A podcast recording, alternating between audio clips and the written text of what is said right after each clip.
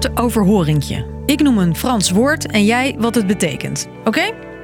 Daar gaan we. Le vin. Une baguette. En de laatste. L'élection présidentielle de la France. Inderdaad, de Franse presidentsverkiezingen. En daar ga ik het over hebben. Want wie wordt de nieuwe president van Frankrijk? Emmanuel Macron of Marine Le Pen? Daar gaat het tussen. En dat is best spannend, ook voor ons, want ze denken allebei nogal anders over Europa. Ja, je kunt zeggen dat eh, Macron en Le Pen, eh, als het om Europa gaat, echt lijnrecht tegenover elkaar staan. Je m'appelle Chrisje en ik leg je uit wat je moet weten om de Franse verkiezingen te kunnen volgen. Lang verhaal kort. Een podcast van NOS op 3 en 3FM. Premier tour de cette élection présidentielle. Estimation In. Frankrijk zijn de verkiezingen wat anders georganiseerd dan in Nederland. Iedere vijf jaar kiezen ze een nieuwe president. Die moet een meerderheid van de stemmen krijgen, meer dan 50% dus. Dat lukt over het algemeen niet in één keer en daarom zijn er bijna altijd twee rondes. Ook deze keer. 10 april was de eerste ronde met 12 kandidaten. Macron, Le Pen, Mélenchon, Hidalgo, Zemmour, Pécresse, Jadot, Lassalle, Roussel, Dupont-Aignan, Poutou en Artaud. Oké. De twee kandidaten met de meeste stemmen uit de eerste ronde nemen het vervolgens tegen elkaar op. In dit geval dus. Emmanuel Macron 29%, Marine Le Pen 24%. Die ga ik zo met je bespreken met behulp van mijn collega en oud-Frankrijk-correspondent Daan Kool. Bonjour. Maar eerst gaan we het hebben over waarom deze verkiezingen ook voor ons in Nederland van belang zijn. Dat heeft te maken met de positie van Frankrijk in de wereld. Het land heeft aardig wat macht. Het heeft de zevende economie ter wereld, zit altijd in de VN-veiligheidsraad. Het Frans is de vierde meest gesproken taal. En in Europa is Frankrijk volgens Daan ook altijd een van de voortrekkers geweest. Dus je ziet dat de Fransen, eh, nog toen de Unie nog niet bestond, eh, al de kaart trokken met de oprichting van de Europese gemeenschap voor kolen en staal. Eh, je ziet dat de invoering van de euro was uiteindelijk een Frans plan. Dus die Fransen, het maakt niet uit welke president er zit, tot nu toe zijn die altijd pro-Europees geweest. Dus als Le Pen het zou worden, dat zou een enorme breuk met die traditie zijn.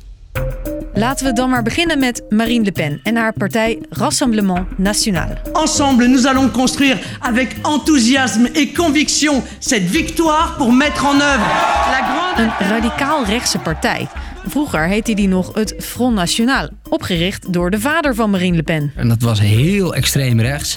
Zij heeft die partij, sinds zij de, de scepter daar zwaait, iets minder extreem gemaakt. Ze heeft de naam veranderd. Eh, ze heeft afstand genomen van de denkbeelden van haar vader. Eh, maar het is nog altijd een uiterst rechtse partij. Een beetje vergelijkbaar met de PVV van Geert Wilders. Haar standpunten: een strenger immigratiebeleid, voorrang voor mensen met een Frans paspoort op huizen en banen en de belasting op een hoop producten naar beneden, zodat de gewone Fransman goed zijn boodschappen kan blijven betalen. En wat betreft Europa.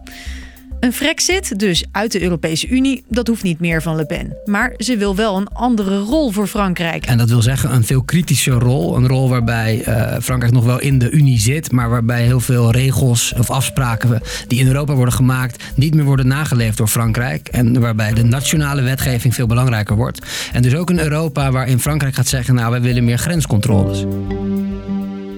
En dan de tegenstander. De huidige president Emmanuel Macron van de partij La République En Marche. Vive la République et vive la France Een beetje een middenpartij is het. Je zou kunnen zeggen als een soort D66, eh, maar dan iets rechtser. Eh, hij is een man die Frankrijk economisch sterker wil maken en dus economisch wil hervormen. Door bijvoorbeeld de pensioenleeftijd te verhogen en de Fransen 15 uur per week te laten werken om recht te hebben op een uitkering. En Macron is op zijn zachtst gezegd erg pro-Europa. Le choix de la France et de l'Europe ensemble Dus hij is bijvoorbeeld een groot voorstander van een Europees leger.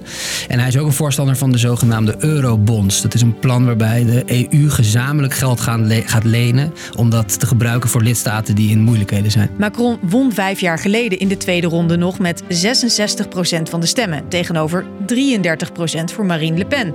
Toch kan het dit jaar nog wel heel spannend worden, denkt Daan. Een van de grote vragen is natuurlijk: wat gaan al die kiezers die bij de eerste ronde niet op Macron hebben gestemd, maar ook niet op Le Pen hebben gestemd, maar op een van de andere kandidaten, wat gaan die bij de tweede ronde doen? Gaan ze niet stemmen? Of gaan ze met de wasknijper op de neus toch maar op Macron stemmen? Of toch maar op Le Pen stemmen? Die vraag ligt nog open.